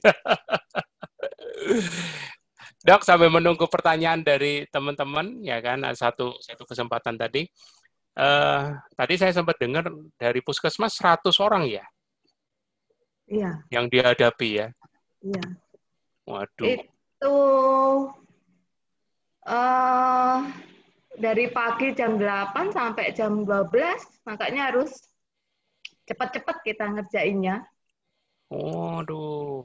Makanya Serat. kalau saya pas ngasih wejangan lama-lama, perawatnya, hmm, dokter lamanya udah. saya saya lagi ngitung secara matematika ini 100 dari jam 8 sampai jam 12 siang ya. Iya. Itu 4 jam aja ya. Benar. 4 jam 100 dibagi 4 berarti 25 orang per jam. Ya. 25 dibagi 60. Buset, ada satu menit. Dahsyat. Itu apalagi kalau habis libur hari Senin, aduh full sampai jam 12, kadang jam setengah satu orang sudah pada tutup loket, kita masih ngerjain pasien.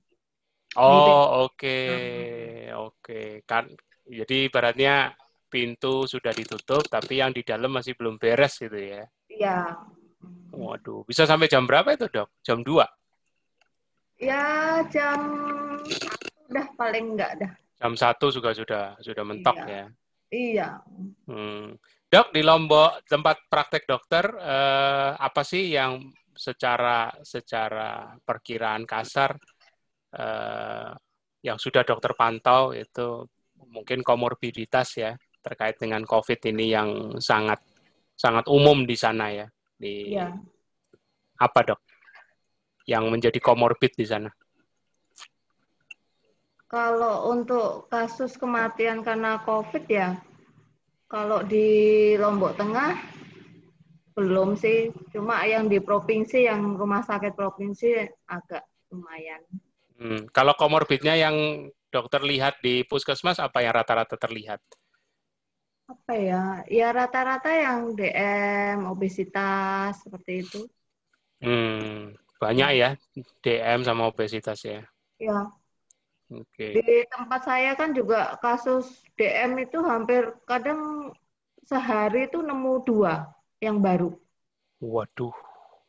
Tiap hari dua ya.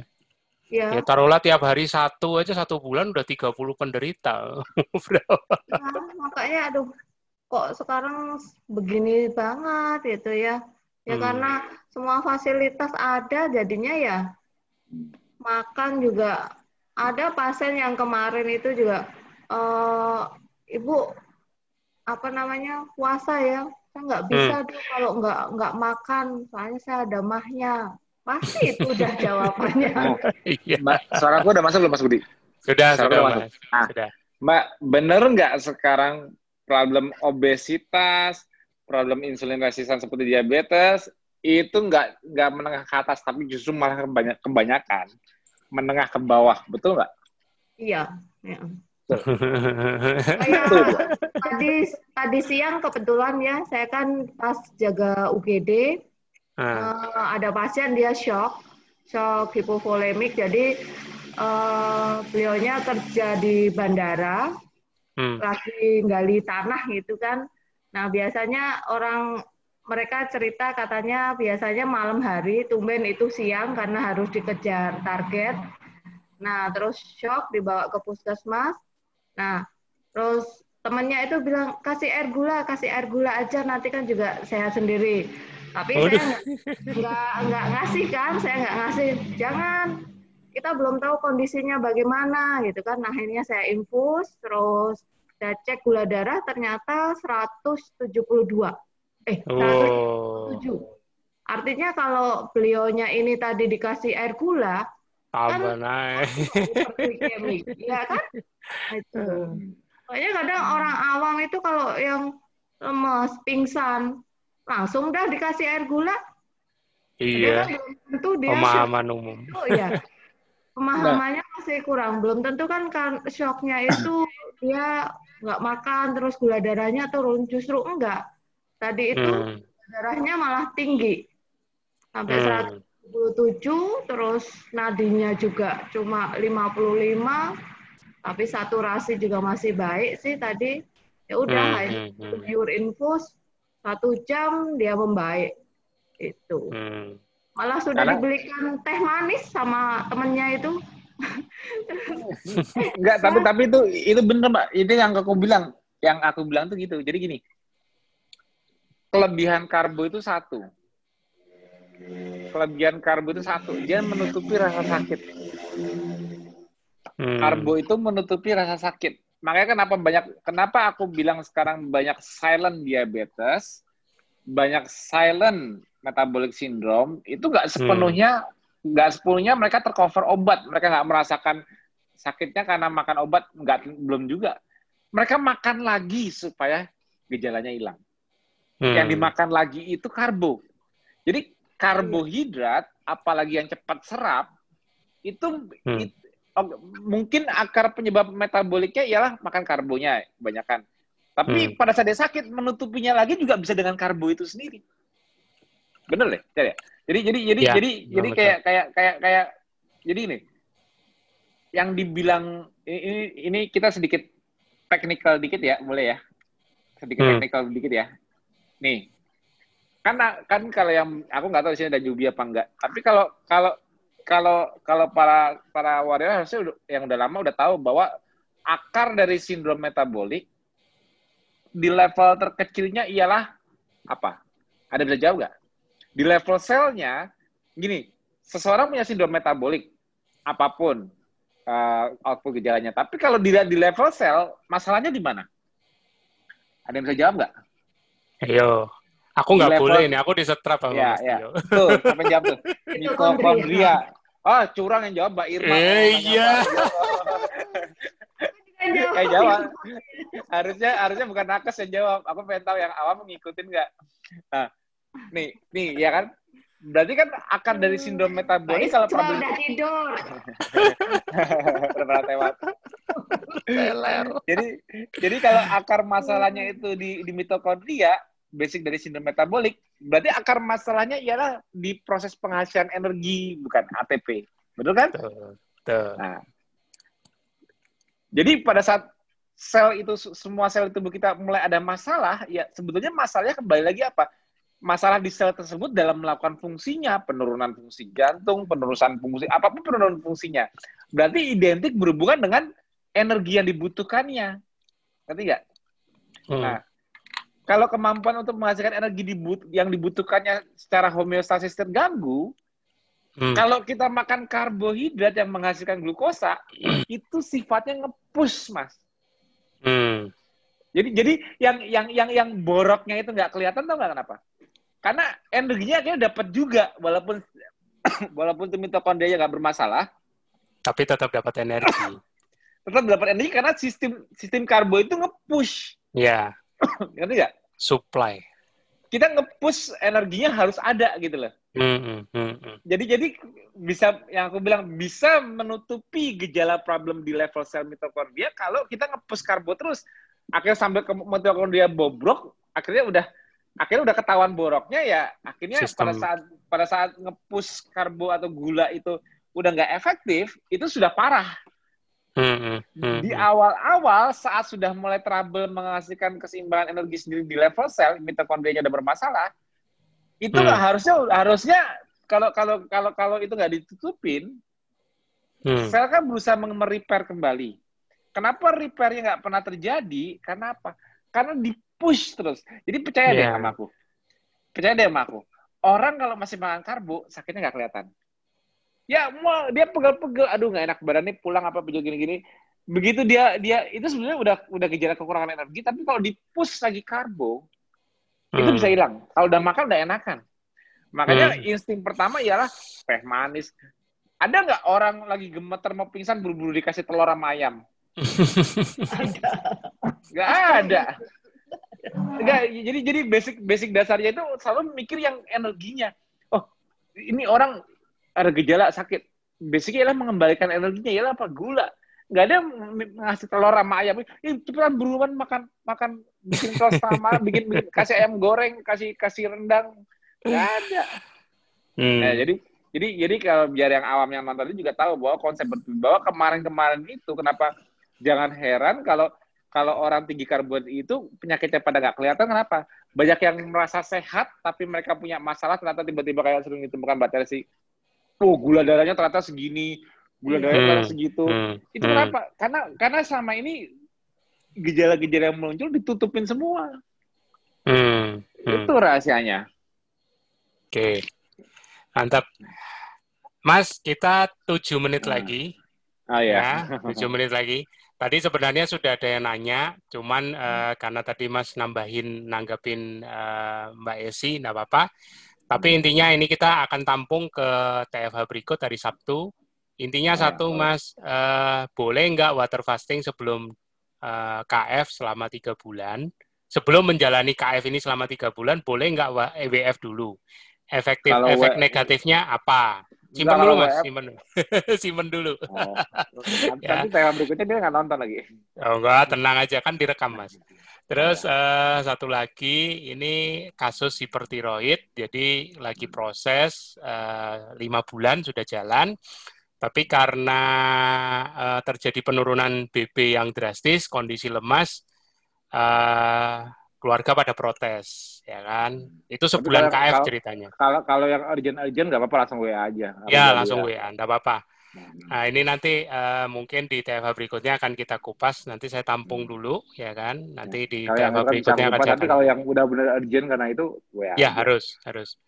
Jadi sebenarnya pertanyaan yang terakhir itu tips khusus ada enggak tips khusus buat hipertiroid? Sebenarnya itu aja, hmm. tapi masih terkait sama berat badan yang drop drastis itu aja sih.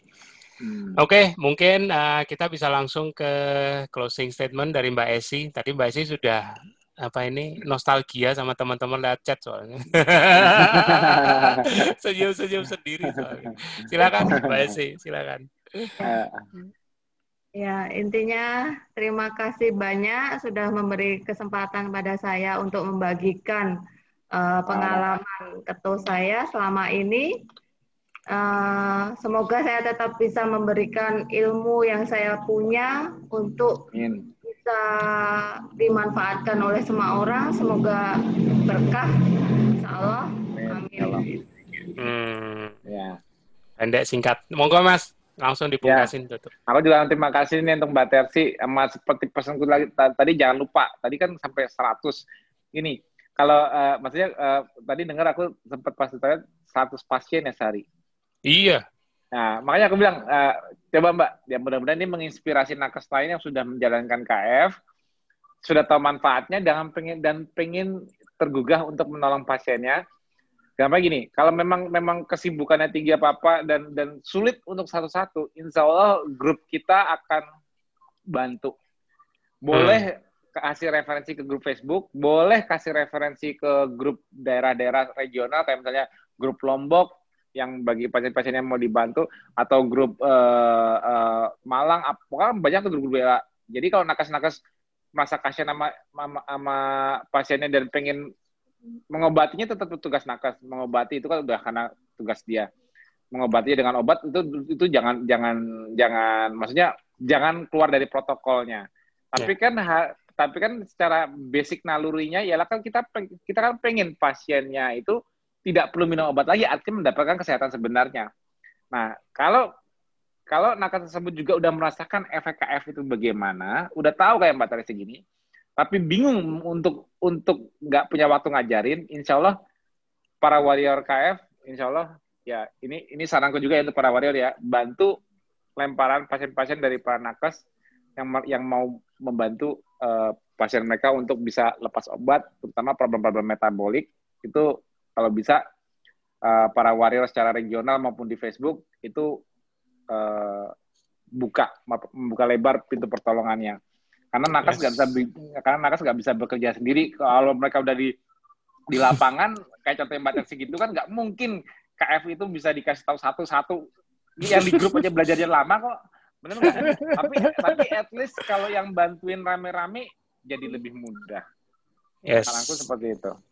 Oke. okay.